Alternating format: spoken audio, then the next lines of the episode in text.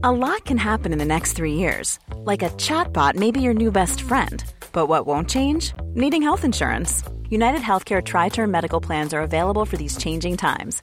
Underwritten by Golden Rule Insurance Company, they offer budget friendly, flexible coverage for people who are in between jobs or missed open enrollment. The plans last nearly three years in some states, with access to a nationwide network of doctors and hospitals. So, for whatever tomorrow brings, United Healthcare Tri Term Medical Plans may be for you. Learn more at uh1.com. Hiring for your small business? If you're not looking for professionals on LinkedIn, you're looking in the wrong place. That's like looking for your car keys in a fish tank.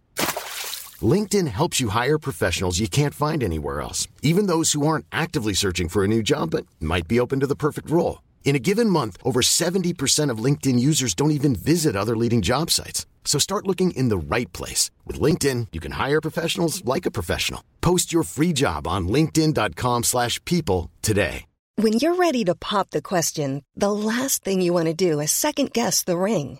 At Bluenile.com, you can design a one-of-a-kind ring with the ease and convenience of shopping online. Choose your diamond and setting. When you find the one, you'll get it delivered right to your door. Go to Bluenile.com and use promo code LISTEN to get $50 off your purchase of $500 or more. That's code LISTEN at Bluenile.com for $50 off your purchase.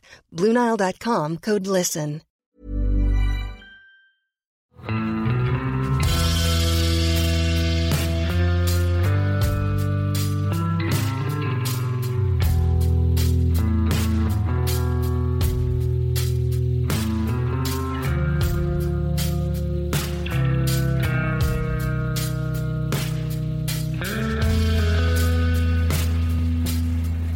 Hei, og velkommen til den aller første episoden av podkasten Uteliv. Akkurat hva den kommer til å utvikle seg til over tid, er jeg litt usikker på. Men den skal i hvert fall handle om eh, friluftsliv. Noen ganger så kommer jeg til å sitte her og prate helt for meg sjøl, ute i det store intet. Andre ganger så kommer jeg til å ha med meg en gjest, eller flere. Og den aller første gjesten i podkasten Uteliv, han er lidenskapelig fluefisker, men liker best fiskeartikler uten bilder av fisk. Han går både fordi han må, og fordi han liker det. Han er en av gründerne bak Harvest Magasin, og har nettopp kommet med boka 'Stiens historie'. Velkommen til Torbjørn Hekkelund. Tusen takk. tusen takk. Dette er veldig gøy. Jeg gleder meg. Ja, kan du si litt om hvor vi er? Hvordan ser det ut her, og hvordan er omgivelsene? Vi er av alle ting på Vår Frelsers gravlund i Oslo. Eh, Det er høst, oktober. Det er eh, blader som faller av trærne overalt rundt oss. Svære bøketrær som er helt sånn praktfulle å se på, spesielt akkurat nå. Og så står vi ved en eh, grav som på mange måter er liksom menneskenes ekvivalent til bøketrærne rundt oss. Det er grava til ingen ringere enn Bjørnstjerne Bjørnson. Eh, Vi brukte litt tid på å finne men nå er vi her. Ja. En eh, gigant, men sånn i mine øyne så er kanskje Bjørnson vær så mye en nasjonsbygger som en forfatter. Hva slags forhold har du til Bjørnson som forfatter? Nei, Jeg tror kanskje at eh, jeg må være, si meg enig i det. Jeg har ikke lest Bjørnsons bøker eller tekster siden nesten vi måtte det på ungdomsskolen eller barneskolen, tror jeg. Han ville kanskje ikke likt det selv, eller han skulle nok antagelig ønske at han var begge deler. Men eh, sånn i ettertid så er det nok kanskje nasjonsbyggerdelen av han som er mest eh, kjent, ja. Men eh, Torbjørn, du skriver jo om natur og om friluftsliv, men du gjør det kanskje på en litt annen måte enn det vi kjenner fra de sånn tradisjonelle glansa turbøkene og friluftsmagasinene. Kan du si litt om det? Ja, det kan jeg si litt om. Jeg gjør nok det, eller det er litt det jeg prøver på, da, og egentlig har prøvd på nå gjennom da tre bøker. Eh, Det er en sånn tradisjon som jo egentlig mange norske forfattere også var eksponenter for tidligere, men som nå kalles nature writing i andre, altså i utlandet, som det heter. Eh, Særlig i USA og England er den ganske stor. Og den handler vel egentlig om at man prøver å bruke bare språket til å liksom fortelle de historiene som i hvert fall i vår tid ofte fortelles på mange måter. Da. Eh, Ikke minst gjennom bilder. Så jeg, har liksom, jeg tvinger meg selv på en måte til å, til å bare bruke språk for å beskrive natur og det jeg ellers opplever på, på turene og i de bøkene jeg har skrevet. Kan man si at det blir på en måte en litt mer sånn intellektuell innfallsvinkel eh, til det hele? Ja, man kan i hvert fall si at det blir et sånn forsøk på å løfte det opp til eh, ikke, ikke et nivå høyere, men å liksom flytte det til et annet nivå. Da. Det tror jeg nok. Det er litt det jeg prøver på. Er det òg en fellesnevner for de andre tingene du driver med, sånn som Harvest Magasin f.eks.? Ja, det var noe av utgangspunktet for Harvest. var det der at Vi tenkte at her, det fins noen sånne lommer i, i friluftsliv, eh, magasinverden og bøkene og journalistikken som vi kanskje kunne fylle. Det var det, var det som var utgangspunktet. Jeg tenker jo litt at det òg har et litt mer sånn, en sånn mer urban innfallsvinkel til friluftslivet. Så jeg fant en sånn viss ironisk symbolikk at eh, møtestedet vi avtalte i dag, det var en eh, kaffebar. Ja, det er, det er litt ironisk. Det er en kaffebar rett ved en kirkegård som befinner seg midt i Oslo, på Sankthanshaugen, med, med urbane ting på absolutt alle kanter. Så det er jo litt riktig, men samtidig så er det også litt gøy at vi står her på den måten at uh, vi har jo vært opptatt av, og jeg også egentlig, vært opptatt av det, det med at natur, naturen befinner seg overalt. Jeg blir mer og mer opptatt av det at den også befinner seg i byen.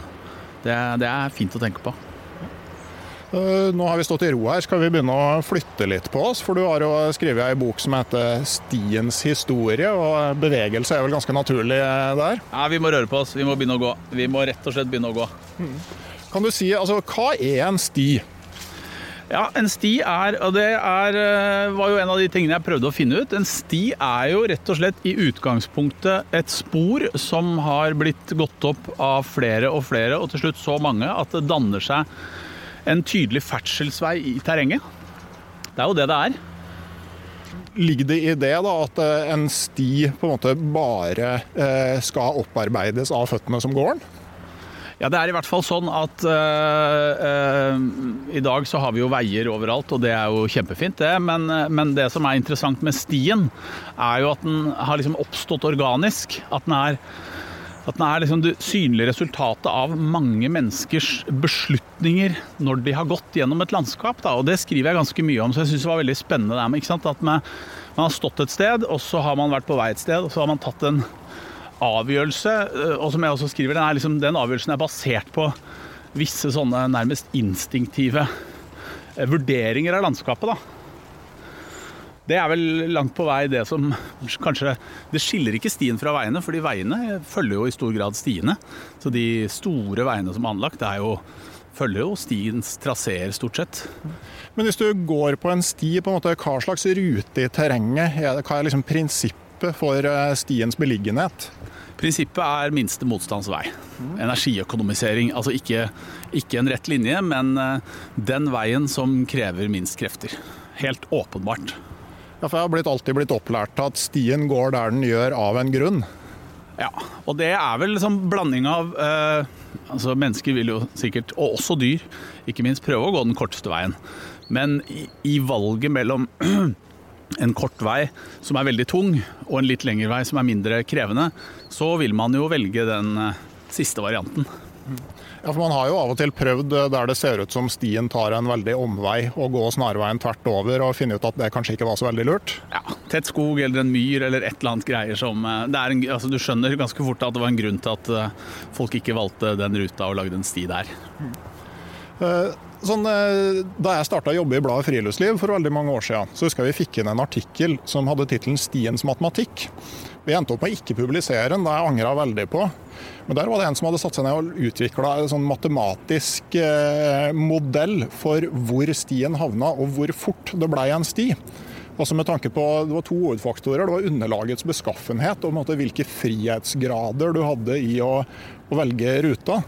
Sånn at Hvis eh, det f.eks. var et lite eid mellom to vann med regnlav, så ville det veldig fort bli en sti, mens det andre plasser tok mye lengre tid. Da. Ja, Det er kjempeinteressant. Jeg skulle gjerne hatt tilgang på den artikkelen før jeg skrev boka. Det er, og det er litt det jeg tenker òg. Eh, nå er ikke jeg matematiker, men det er litt det man tenker når man holder på med det og studerer det. At det fins Det må kunne gå an å koke det ned til en eller annen veldig sånn grunnleggende eh, tilbøyelighet da, hos oss. At det foregår et sånt regnestykke på en måte i hodet vårt uten at vi er klar over det. Og det foregår like mye i dag som det gjorde for 10 000 år siden, når folk eh, eh, gikk nordover og befolka Norge. I boka di så skriver du om måte, dine turer på flere stier. Både noen veldig gamle og en eh, litt kortere og mer personlig. Kan du snakke litt om eh, de stiene du har fulgt i løpet av bokprosjektet? Ja, det kan jeg gjøre. Jeg har jo som eh, nesten alltid i mine bøker, så er det ikke særlig imponerende sånn distansemessig og sånn. Det er ikke veldig krevende. Men jeg, har, jeg, jeg, vurderte å gå en av de store, svære, berømte langdistansestiene. Men så var det også litt sånn at jeg Jeg bruker jo alltid, jeg prøver å ha en sånn rammefortelling. Altså noe, noe, noe som alt det andre kan puttes inn i når jeg skriver bøker. Og så fikk jeg en sånn følelse av at nei, denne gangen så har jeg ikke lyst til det. Det er skrevet så mange bøker om Appalachian Trail og Pacific Crest Trail og alle de, og Norge på langs og det ene og det andre, Kungsleden i Sverige. Eh, så jeg satt og leita etter hvilken sti kan utgjøre rammefortellingen i boka, eller den røde tråden. Og da endte jeg opp med den første stien jeg gikk, som er en bitte liten sti som gikk bak hytta, min families hytte. Som jeg begynte å gå egentlig sånn eh, etter hva jeg kunne finne ut i hytteboka, så gikk jeg den første gang jeg satt i sekken til pappa da jeg var sånn ja, et halvt år eller et år eller noe sånt. Og det er jo eh, sånn i den boka at jeg da Jeg har ikke gått den på 40 år. Men jeg husker den jo veldig godt. Jeg husker den jo sånn um, nesten centimeter for centimeter. Ikke bare stien, men landskapet rundt og, og, alt det der. Sånn at i boka så går jeg den egentlig først mentalt. Eh, og forsøker liksom å rekapitulere alt ved den stien. Og så mot slutten av boka så drar jeg tilbake og så går jeg den igjen. Og det er jo et forsøk på å se liksom, hvordan ja, studere eller undersøke hvilken sti jeg husker, og hvilken sti som rent fysisk faktisk går der. da. Eh, dere gikk òg nordmannsslepa på Hardangervidda sammen med ungene, ikke sant? Det gjorde vi. Vi gikk nordmannsslepa. Eller vi gikk, vi gikk eh, vi prøvde å finne dem der de fortsatt så vidt er synlige, men eh, ikke merka eller eh, noe som helst. Da. Jeg hadde et gammelt kart fra en sånn bok fra 60-tallet som viste at uh, i det området vi gikk, så hadde de gått. Og så gikk vi der for å prøve å finne dem, og det var veldig gøy. altså Spennende. Du kan kanskje si litt om hva Nordmannsløpa er? Ja, Det var jo ferdselsårer egentlig mellom eh, altså Hardangervidda er jo Hardangervidda. Den ligger jo eh, som et lokk over hele Sør-Norge, egentlig.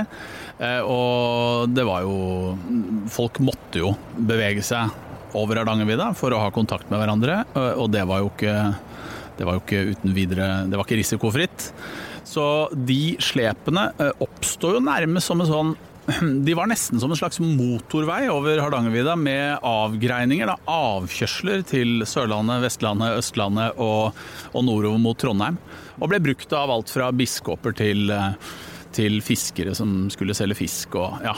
Det var liksom en trafikkåre. I, ja, mest sannsynlig, eller det er litt uklart hvor, når de oppsto, men det, har, hvert fall, det jeg har kommet over, er altså, snakk om at de kan være opptil 5000 år gamle. Og så har du òg prøvd å gå helt uten sti og uten kart og kompass.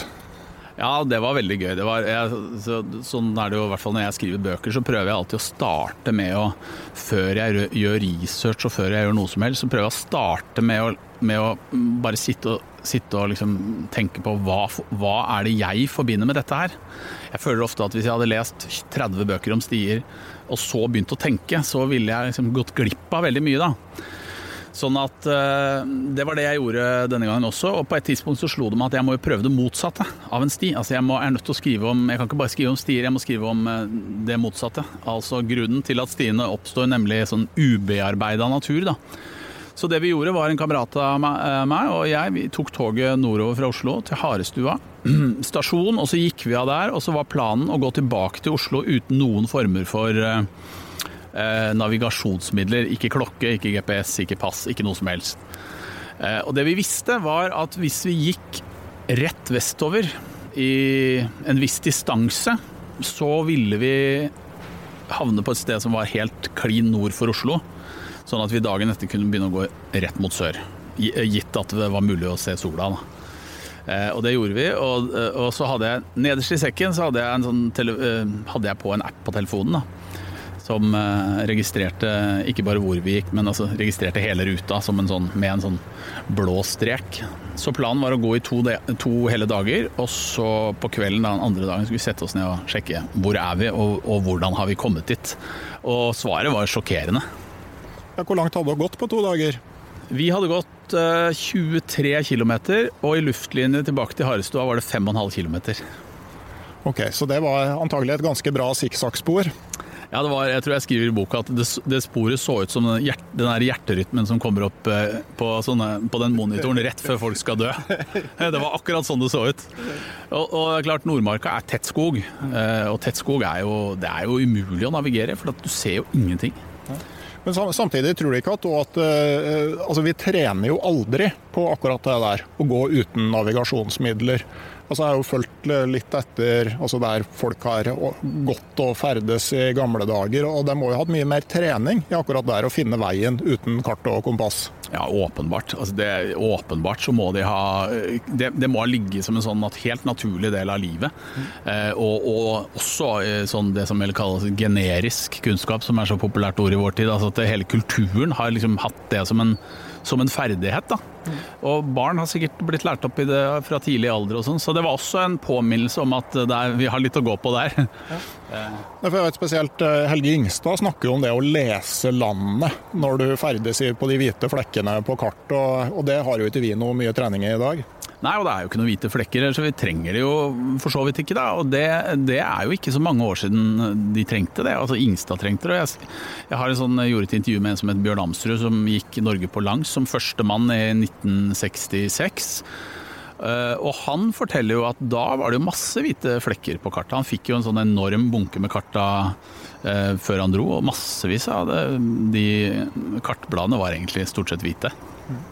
Det er jo, eh, bringer oss jo over på det med, med å gå og, eh, og, gå langt. Altså du du snakka på at du først hadde kanskje tenkt å gå en lang tur, men eh, så ble det noen kortere i stedet. Men det frister ikke det der med å, må, må gå en av de virkelig lange rutene et eller annet sted? da? Jo, det frister veldig. Jeg skulle veldig gjerne gjort det, men jeg har unger og jobb. og det, det, Du veit hvordan det er. Det, det, krever jo, Mange av de rutene krever jo mange måneder. da. Uh, mye penger. og altså, Du må jo på en måte slutte å jobbe og bruke penger på det der. og sånn, Så jeg har ikke foreløpig fått muligheten til det.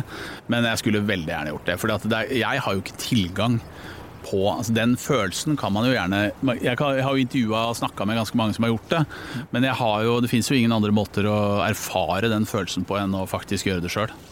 Ja, hva de sier, de som har gått uh, turer på uker og måneders varighet? Nei, De omtaler jo nesten som en sånn religiøs opplevelse. At, at de går inn i en sånn modus som de aldri har vært i før. Og som er så En sånn blanding av uh, befriende og eh, beroligende, nesten, på en måte. At de eh, ikke har lyst til å forlate det når de først har kommet inn i det. Da. Det tar jo litt tid. Jo, du skal passere en del gnagsår og elendighet. Men alle omtaler det, eh, alle de jeg har snakka med, eh, omtaler det på en sånn forbausende lik måte. Mm. Og det er det der moduset de snakker om, som er det å gå uh, hver dag og så bare gjøre det samme hele tida. Legge seg om kvelden, stå opp om morgenen, gå videre. Og så 50-60-70 dager etter hverandre. Mm. Kan kjenne meg igjen i den, ja. Men samtidig, altså det med det moduset du kommer i, jeg opplever at det, det er veldig avhengig av stiens og rutas beskaffenhet. For enkelte ganger så er det jo måte, det å bare finne fram altså det er rent sånn der, du, du, er så fokusert på, å, på orientering, på ikke å ramle ned og, og, sånne ting, at eh, da får du ikke nødvendigvis den der litt sånn meditative følelsen som du får på de dagene hvor stien eller ruta på ski er tydelig og, mm. og tankene bare får flyte. Mm. Men hva du tenker på når du går? Jeg tenker på alt mulig. og Det setter jo i gang. ikke sant? Så det er, liksom, det er jo på en måte nesten som å drømme. At du har ikke helt kontroll på det som foregår oppi huet. Eh, men det er jo akkurat som du sier, du har gått lenger enn meg, Randulf. Men det er jo veldig sånn. At det, Vi gikk jo mye på Varder eh, over Hardangervidda i det kapitlet, og da er du jo fokusert på det du driver med. På en helt annen måte. Du må følge med, og du må stoppe opp om, og du må ta avgjørelser. Det der med å ta avgjørelser hele tiden, da. Eh, som jo er veldig Jeg har jo også en lang passasje i boka som, hvor jeg snakker med han som er landslagstrener i orientering. Og han snakker jo hele tida om det der at du må ta én stor avgjørelse på sånn hvor skal jeg, og så må du ta en million bitte små avgjørelser underveis. Det slipper du jo hvis stien er eh, ordentlig god å gå på. Og da setter det i gang oppi huet. Så jeg tenker på Ja, jeg skriver jo litt om hva jeg tenkte på. Jeg tenkte jeg stoppa meg selv en gang, og så tenkte jeg nå går jeg og tenker på den rotete garasjen til bestefaren min, som har vært død i 20 år. Han hadde det så rotete i garasjen. Og jeg var ofte inne i den garasjen, for jeg var sånn nysgjerrig på fader, så mye rot det er mulig, og så mye skrot det er mulig å ha en garasje. Og plutselig så gikk jeg i Nordmarka og tenkte på den garasjen. Det er veldig merkelig. Og Da kan det ofte være litt vanskelig å, å prøve å finne ut hvor, hvilken tankerekke var det som leda deg dit. Det syns jeg kan være ganske interessant å prøve å rekapitulere. Da. Ja, Gå og spore det opp igjen, ja det er, og det er jo krevende. Men det er jo alltid en sånn det får deg til å tenke på det, som får deg til å tenke på det, som får deg til å tenke på det. Det er vel det som kalles stream of consciousness. Mm. Og det er, eh, det er jo også befriende. Det er jo helt åpenbart at det er bra for hodet. Mm. Ja, og så er det jo de dagene hvor du bare er sliten og alt er fælt. Kompis av meg som gikk på ski til Sørpolen, som sa at når det, på de tunge dagene så prøvde han å bare gå gjennom hele handlinga i 'Ringenes herre' i hodet. For å glemme hva han eh, drev med. På de verste dagene så kom han seg aldri ut av hobbsyssel. Det er fantastisk. Det, er, det ble jo som bilde på virkeligheten, det, at han tråkka og tråkka og ble værende i hobbsyssel. Ja, nei, Det er jo kanskje en sånn mental øvelse. At du må eh, putte inn, akkurat som skiløpere på en femmil, at du er nødt til å tenke på noe annet enn at det er smertefullt hver eneste meter. Så jeg husker Erling Kagge eh, fortalte sånn som jeg husker det. Eh, jeg tror det var Time Magazine jeg, som hadde sånn svært intervju med han da han hadde gått til, til Sydpolen. Eh, og så ble han spurt hva tenkte du på, og så svarte han Arsenal. Eh, jeg tenkte på hvordan det går med Arsenal i Premier League. Og det tror jeg var eh, ja, det tror jeg Arsenal ble veldig lykkelig for. Det var et uventa svar, men eh, jeg tror klubben ble etter det har vært veldig positiv til Erling Kagge. Det, det vil jeg tro. Det vil jeg absolutt uh, tro. Uh, men uh, hvis vi eh, ser litt videre på altså sånn, eh, det, med, det, med, å gå som sådan. Altså, du, du, går jo ikke bare fordi du syns det er moro, som jeg nevnte innledningsvis. Du, du, går fordi du er nødt til det. Kan du si noe om det? Ja, jeg kan si noe om det. Jeg, jeg, er nødt til det rett og slett fordi jeg for to år siden fikk epilepsi. Sånn helt uten videre så fikk jeg sånn det som kalles et grand mal-anfall, altså hvor du bare mister bevisstheten og går i bakken og får kramper og det ene med det andre. Og det kom jo veldig brått på, da. Det, eh, så jeg havna på Ullevål. Var der en tre-fire fem dager hvor de drev og skanna huet og holdt på med alt mulig rart. Men du blir såpass sånn euforisk og rar i huet etter et epilepsianfall at jeg bekymra meg ikke noe særlig for det. Jeg husker at jeg lå så OJ Simpson-dokumentar på mobiltelefonen min og var egentlig veldig fornøyd. Men den fjerde dagen, da jeg skulle utskrives, så kom legen inn og sa at uh, det er én ting som nå kommer til å forandre seg, og det er at du ikke kan kjøre bil. Du mister lappen. Uh, det skjer med alle epileptikere. Så jeg befant meg da i en situasjon hvor jeg lå på sykehuset, og så tenkte jeg hva i himmelens navn skal jeg gjøre nå? Så da jeg kom hjem, så dro jeg ned på gikk ned på politistasjonen, leverte inn sertifikatet, og så begynte jeg å gå. Og det merkelige, og det forundrer meg fortsatt, var hvor kort tid det tok å venne seg til det. Jeg har, altså nå, to år seinere, så jeg tenker aldri på å kjøre bil. Så jeg går overalt. Jeg er ikke så veldig glad i å ta bussen og trikken og T-banen heller, så jeg det er rett og slett sånn at jeg bare har lagt opp livet mitt uh, uh, til at uh, når jeg skal fra et sted til et annet, så må jeg gå. Og hvor lang tid tar det? Hvis jeg skal være et sted klokka 11 og det tar en time å gå dit, så begynner jeg å gå klokka 10. Mm. Det går forbausende bra, egentlig. Du trenger ikke å bruke noe tid på trening i tillegg til når du har den vanen der? Nei, for det blir jo fort altså fem mil i uka, noen ganger åtte. Noen ganger tre òg, selvfølgelig, men det blir mange mil i uka. Og det er noe av det mest fascinerende med det, at du blir jo ikke på noe tidspunkt sliten. Du kan til og med gjøre det i olabukse eh, i arbeidstida, ikke sant. Altså det er Jeg fikk en, eh, en, melding fra en bekjent som hadde gått eh, flyktningruta gjennom Østmarka. Og den er 42 km, tror jeg. Han var veldig fornøyd. Og det var jo grunn til å være fornøyd med det, men da sjekka jeg min sånn app som registrerer avstander som jeg hadde på det tidspunktet, og da hadde jeg gått 60 km den uka. Så jeg hadde altså gått 30% mer enn han, men i olabukse hit og dit på det som kalles nyttegåing. da. Som jeg nettopp uh, skrev Jeg skrev en sak om det for Vegvesenet, for det er noe de nå begynner å tilrettelegge for i Oslo, og sikkert og også egentlig i andre byer. Det de kaller nyttegåing, altså det å gå ikke for Vi er jo så vant til å gå på søndag, altså gå tur. Og det er jo flott, og det er jo liksom en sånn institusjon i, i, norske, i Norge. Men det, nyttegåing handler jo da om å gå i alle andre sammenhenger. Til butikken, til jobben, hit og dit for å gjøre ting. Så nå er det det neste snakk om i Oslo. at Nå, er det, nå de, har de tilrettelagt veldig bra for syklister. Det neste nå er for fotgjengere, altså de som går. Ja, hva, hva slags tilrettelegging består det seg i? Det består mye skilting. Eh, og, og det, det, er egentlig, det, er ganske interessant, for det består for det første i skilting. Og det de har funnet ut, er at eh, du må skilte Du må jo starte å skilte fra der folk er. Så i Bodø så har de nå, og det er veldig morsomt, de har Det tar ti minutter å gå fra flyplassen og inn til Bodø sentrum. Eh, og nå har de satt opp skilt på flyplassen med pil. Gå her. Og det er jo antagelig ingen altså Er det siste stedet du er liksom innstilt på å gå, er jo når du kommer ut av en flyplass. Ta sekken på ryggen og begynne å labbe av gårde. Eh, så det har de gjort der. Og så sier de hele tiden, da, alle de som driver med det, at du er nødt til, du er nødt til å skilte for gående på liksom knutepunkter. Jernbanestasjonen osv. osv.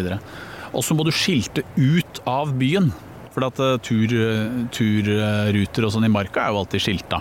Men det er ikke skilta fram til der hvor den turen starter. Så det driver de med, og det er ganske spennende. Og det andre er, og det, som er nesten enda mer spennende, det er jo at, de sier, at du, du, må skje noe når du går.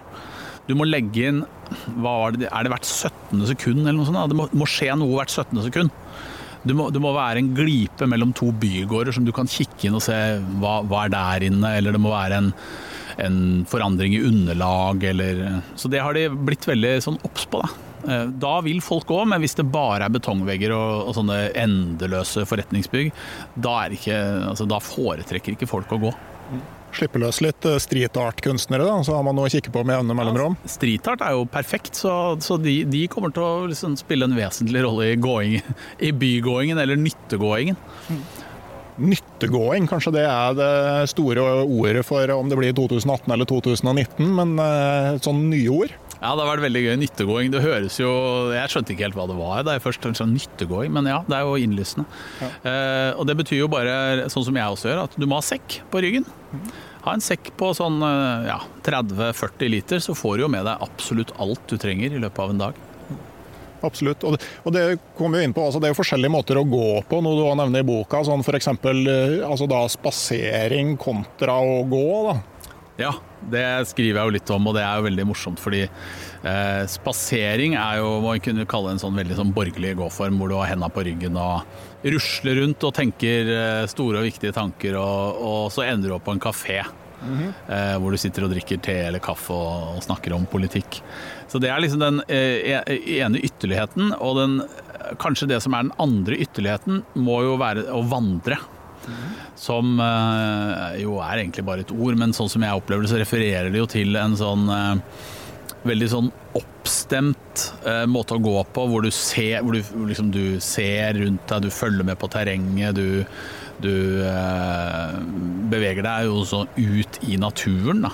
Sånn som jeg, jeg tenker egentlig at eh, Bjørnstjerne Bjørnson borti lia her, han eh, vandra nok. Sammen med Asbjørnsen, som ja. ligger litt oppi åsen. Ja, men jeg tenker jo at sånn eh, Vandring og spasering er jo veldig beslekta i at det er borgerlige fenomen, begge to. Altså En bonde som skal opp og eh, fiske rakfisken til vinteren, han verken vandrer eller spaserer til setra.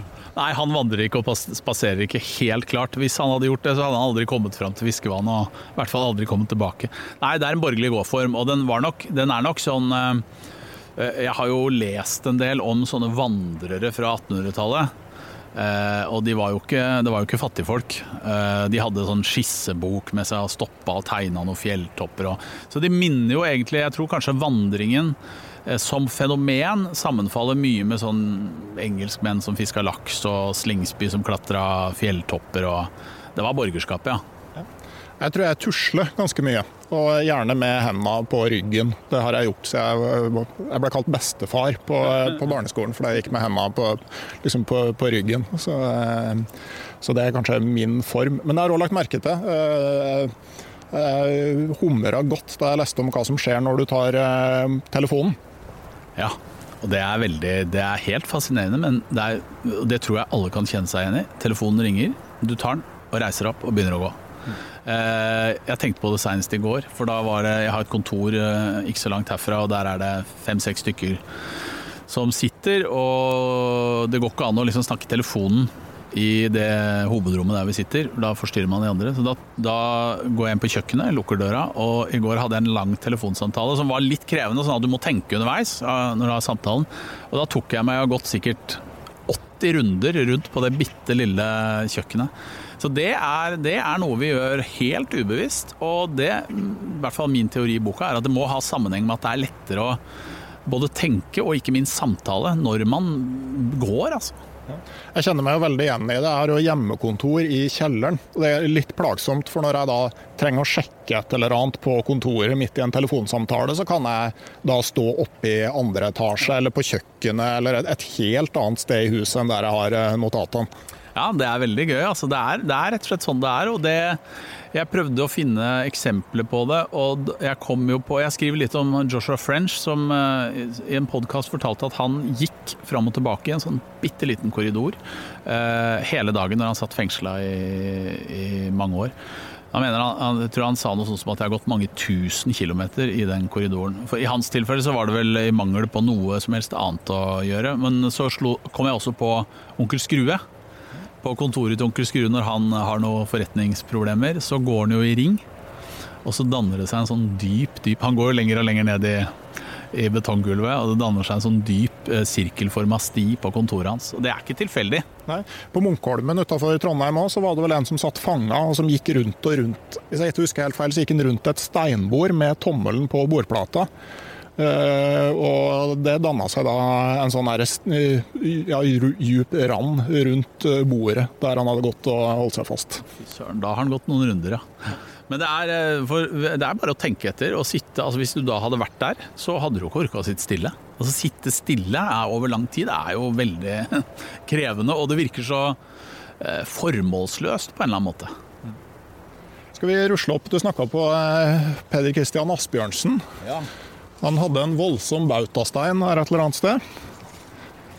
Det var ikke han som var der borte. Nei, det var Hvem var det som var der? Ja, Hvem var det igjen? Den høye, slanke der. Det var Asbjørnsen. Det var Asbjørnsen, ja. ja. Eh, vi snakka på Freud, hadde muligens hatt noe sagt om ja, størrelsen på den bautasteinen. Det er en åtte meter høy bautastein, altså. Som han sikkert har insistert på. Han har sikkert planlagt det mange tiår før, uh, før sin død at uh, den skal jeg ha, og her skal den ligge på toppen av liksom, den mest berømte gravlunden i Norge. Mm. Så her har vi den. 1812 til 1885. Mm. Men uh, folkeeventyrene som Asbjørnsen var med å samle inn, du skriver litt om at de på en måte er beslekta uh, med stiene? Ja, jeg skriver litt om det, og det var, det var en sånn tanke som slo meg underveis. At det er det jo. Altså, det, de er jo Eh, de jo, har jo oppstått gjennom bevegelse eh, i den forstand at de har gått fra munn til munn. Altså ikke vært skrevet ned, ikke før Asbjørnsen gjorde det, da, og, eh, og, og Jørgen Moe. Men også har de i tillegg blitt til Altså de har blitt skrevet ned gjennom bevegelse fordi Asbjørnsen og Moe de gikk jo rundt og samla det inn. Altså det, var, det, det var sånn de det var sånn de ble skrevet ned. Så det er litt sånn dobbel bevegelse der eh, som, eh, som, jeg syns var gøy å skrive om. Og så er det jo og så er det jo Det er jo i tillegg da historier som hele tiden har forflytta seg, rett og slett. Er, eh, de har forflytta seg, og de er et resultat av en sånn kollektiv innsats. da.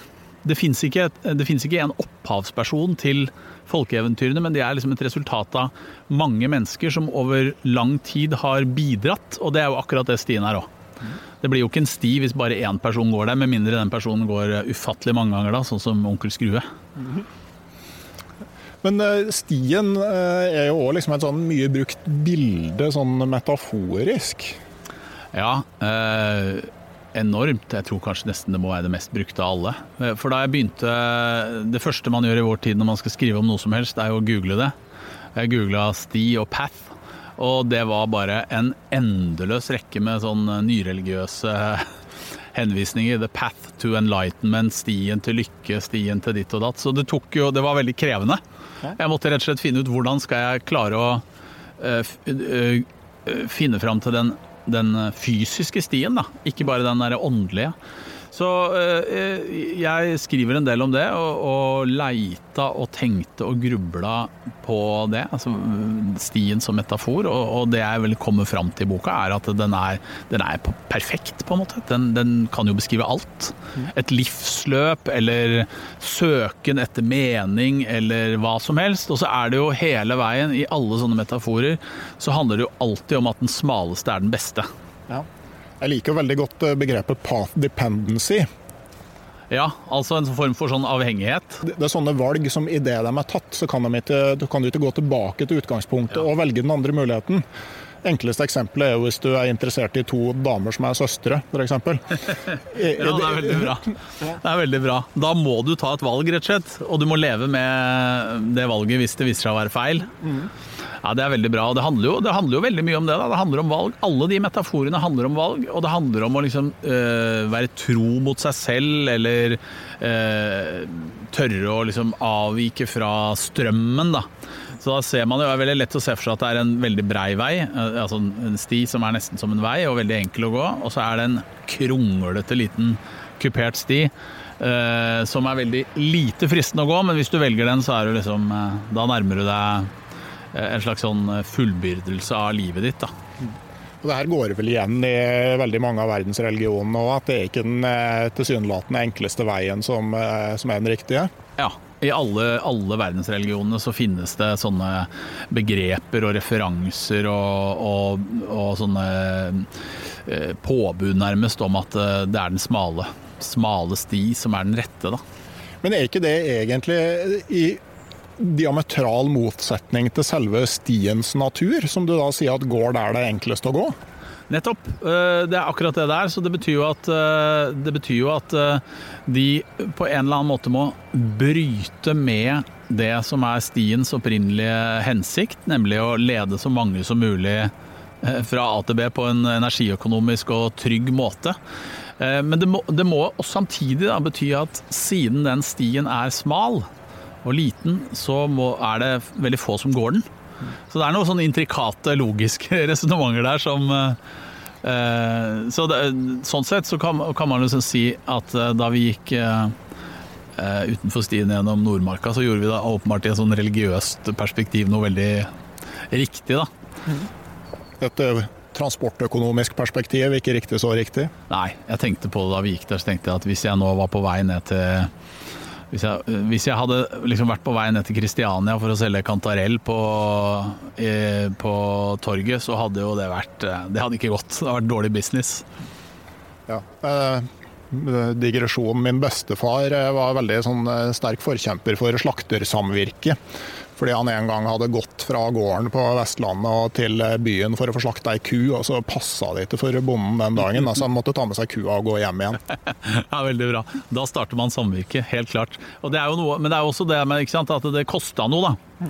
Eh, det kosta noe. Hvis du hadde kjørt ned med kua i dag, så hadde du antagelig bare snudd og Eh, kjørt tilbake og så kjørte ned dagen etter. Mm. Antagelig så hadde du registrert den på en app, hva vet jeg, og så, eh, så var det klart. Men eh, den, din barndomssti, hva opplevde du når du til slutt gikk den på nytt?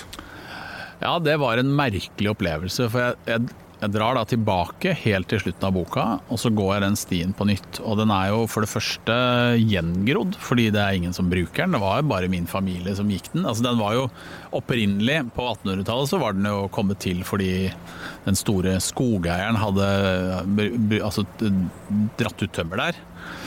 Eh, mens, og så brukte min familie den stien fordi eh, de hadde jorder. Bitte små jordlapper langt inn i, inn i skogen, da, hvor de slo gress og hesja til dyra. Men det er jo mange år siden. Eh, de solgte hesten i 1968 for å kjøpe TV, så de kunne se Grenoble-OL. Så det er en god del år siden. Men, og siden det, altså etter det, så var det bare min familie som brukte den til å gå tur. Så den var jo da jeg kom tilbake helt gjengrodd. Eh, så gjengrodd at jeg stedvis ikke helt kjente igjen landskapet. Stoppa opp og tenkte sånn hvordan, eh, hvor eh, det virkelig, Var det virkelig sånn det så ut? Men det var det jo ikke, fordi at fordi at det er 40 år så skjer det en god del i et, sånt, et landskap som ikke blir brukt. Men jeg kjente jo igjen alle sånn bestanddelene. Der svinger den, der går den høyt, der går den lavt. Nå kommer vi til fossen. Eh, Der eh, broa gikk, men broa var ikke der, og fossen var ikke en foss. Det var bare en sånn bitte liten krusning. Og videre opp til det jordet, som var liksom slutten på stien, der, vi, der min familie da tidligere hadde eh, slått gress. Der vi alltid pleide å ta en pause før vi gikk tilbake. Og det jordet eksisterte jo ikke. Det var, det var svære grantrær. Planta, åpenbart grantrær, som dekka hele det jordet. Så det var som å gå det var som å gå gjennom en sånn bakgate i London i sånn Jack the Ripper-tida. Eh, Bare helt sånn mørkt og dystert. Ingen vegetasjon på bakken. Eh, Så var, den var ikke til å kjenne igjen, nesten. Eh, Men det største sjokket var jo hvor lang den var. For jeg målte jo opp det. Ja, for, for jeg har, når jeg har vært hjemme der jeg er oppvokst, så har jeg òg lagt merke til noe at alt du husker fra barndommen viser seg å være mindre enn det du huska det som. Mye mindre, og det sier jo noe om Jeg tror det sier egentlig noe om to ting. For det første så sier det noe om at du har korte bein når du er, når du er barn. Så det er flere skritt, og dermed føles det mer slitsomt. Men jeg tror også det sier noe om at når man er barn, så har man all oppmerksomhet retta ned på bakken. Sånn at du absorberer så mye mer i løpet av en tur enn hva man gjør som voksen. At jeg tror ikke Barn går jo ikke rundt og tenker på sånn rotete garasjer og andre ting. De er jo, i hvert fall sånn som jeg husker det selv, de er liksom 100% fokusert på det de har foran seg. Og dermed så skjer det så mye i løpet av en sånn tur på stien at den oppleves lang. Eh, eh, Men eh, når man er voksen, så får man det ikke med seg på samme måten, og dermed så viser det seg at eh, den stien er veldig kort. Og jeg kan jo avsløre hvor lang min, min sti var. Den var i luftlinje fra hytta til, den, eh, til det jordet, da, eller det som en gang var et jorde, eh, 352 meter. 352 meter hver vei, ja.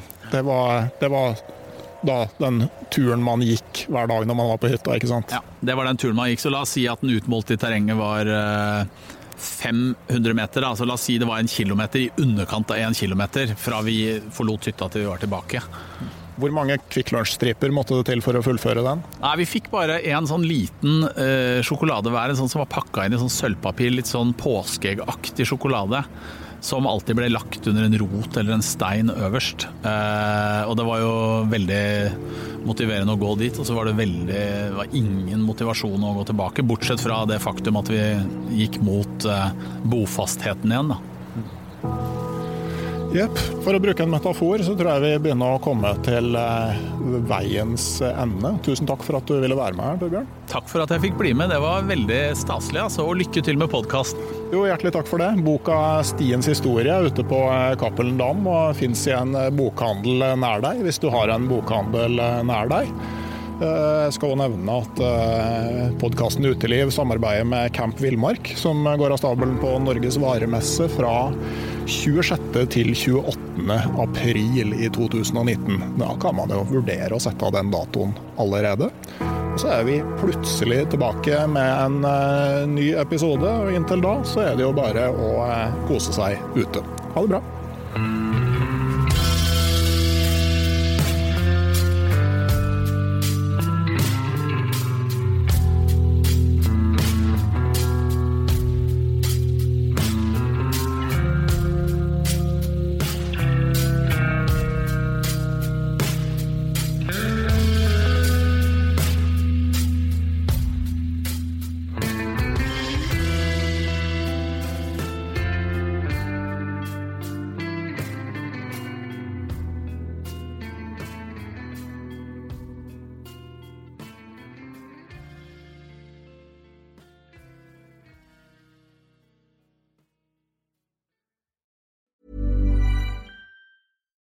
Deserves the best, and there's no better place to shop for Mother's Day than Whole Foods Market. They're your destination for unbeatable savings, from premium gifts to show-stopping flowers and irresistible desserts. Start by saving 33% with Prime on all body care and candles. Then get a 15-stem bunch of tulips for just $9.99 each with Prime. Round out Mom's menu with festive rosé, irresistible berry chantilly cake, and more special treats. Come celebrate Mother's Day at Whole Foods Market. Hey, it's Danny Pellegrino from Everything Iconic. Ready to upgrade your style game without blowing your budget? Check out Quince. They've got all the good stuff shirts and polos, activewear, and fine leather goods, all at 50 to 80% less than other high end brands. And the best part? They're all about safe, ethical, and responsible manufacturing. Get that luxury vibe without the luxury price tag. Hit up quince.com slash upgrade for free shipping and 365 day returns on your next order. That's quince.com slash upgrade. Hei, jeg heter Nore Helligsen og er daglig leder i Barents Outdoor. Det beste vi kan gjøre for planeten, er å redusere forbruket vårt og få mer ut av det utstyret vi allerede har. Men vi vet av erfaring at bruken av telt kan endre seg over tid. Det teltet du kjøpte for to år siden, passer kanskje ikke det behovet du har i dag. Derfor har vi i Barents etablert en egen panteordning der vi tar imot brukte telt av god kvalitet i innbytte når du kjøper et nytt av oss.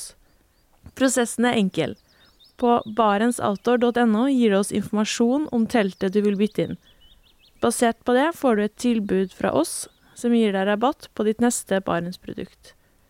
Mer info og betingelser finner du på barentsoutdoor.no. Og husk at den første reparasjonen på produkter fra Barents er alltid gratis.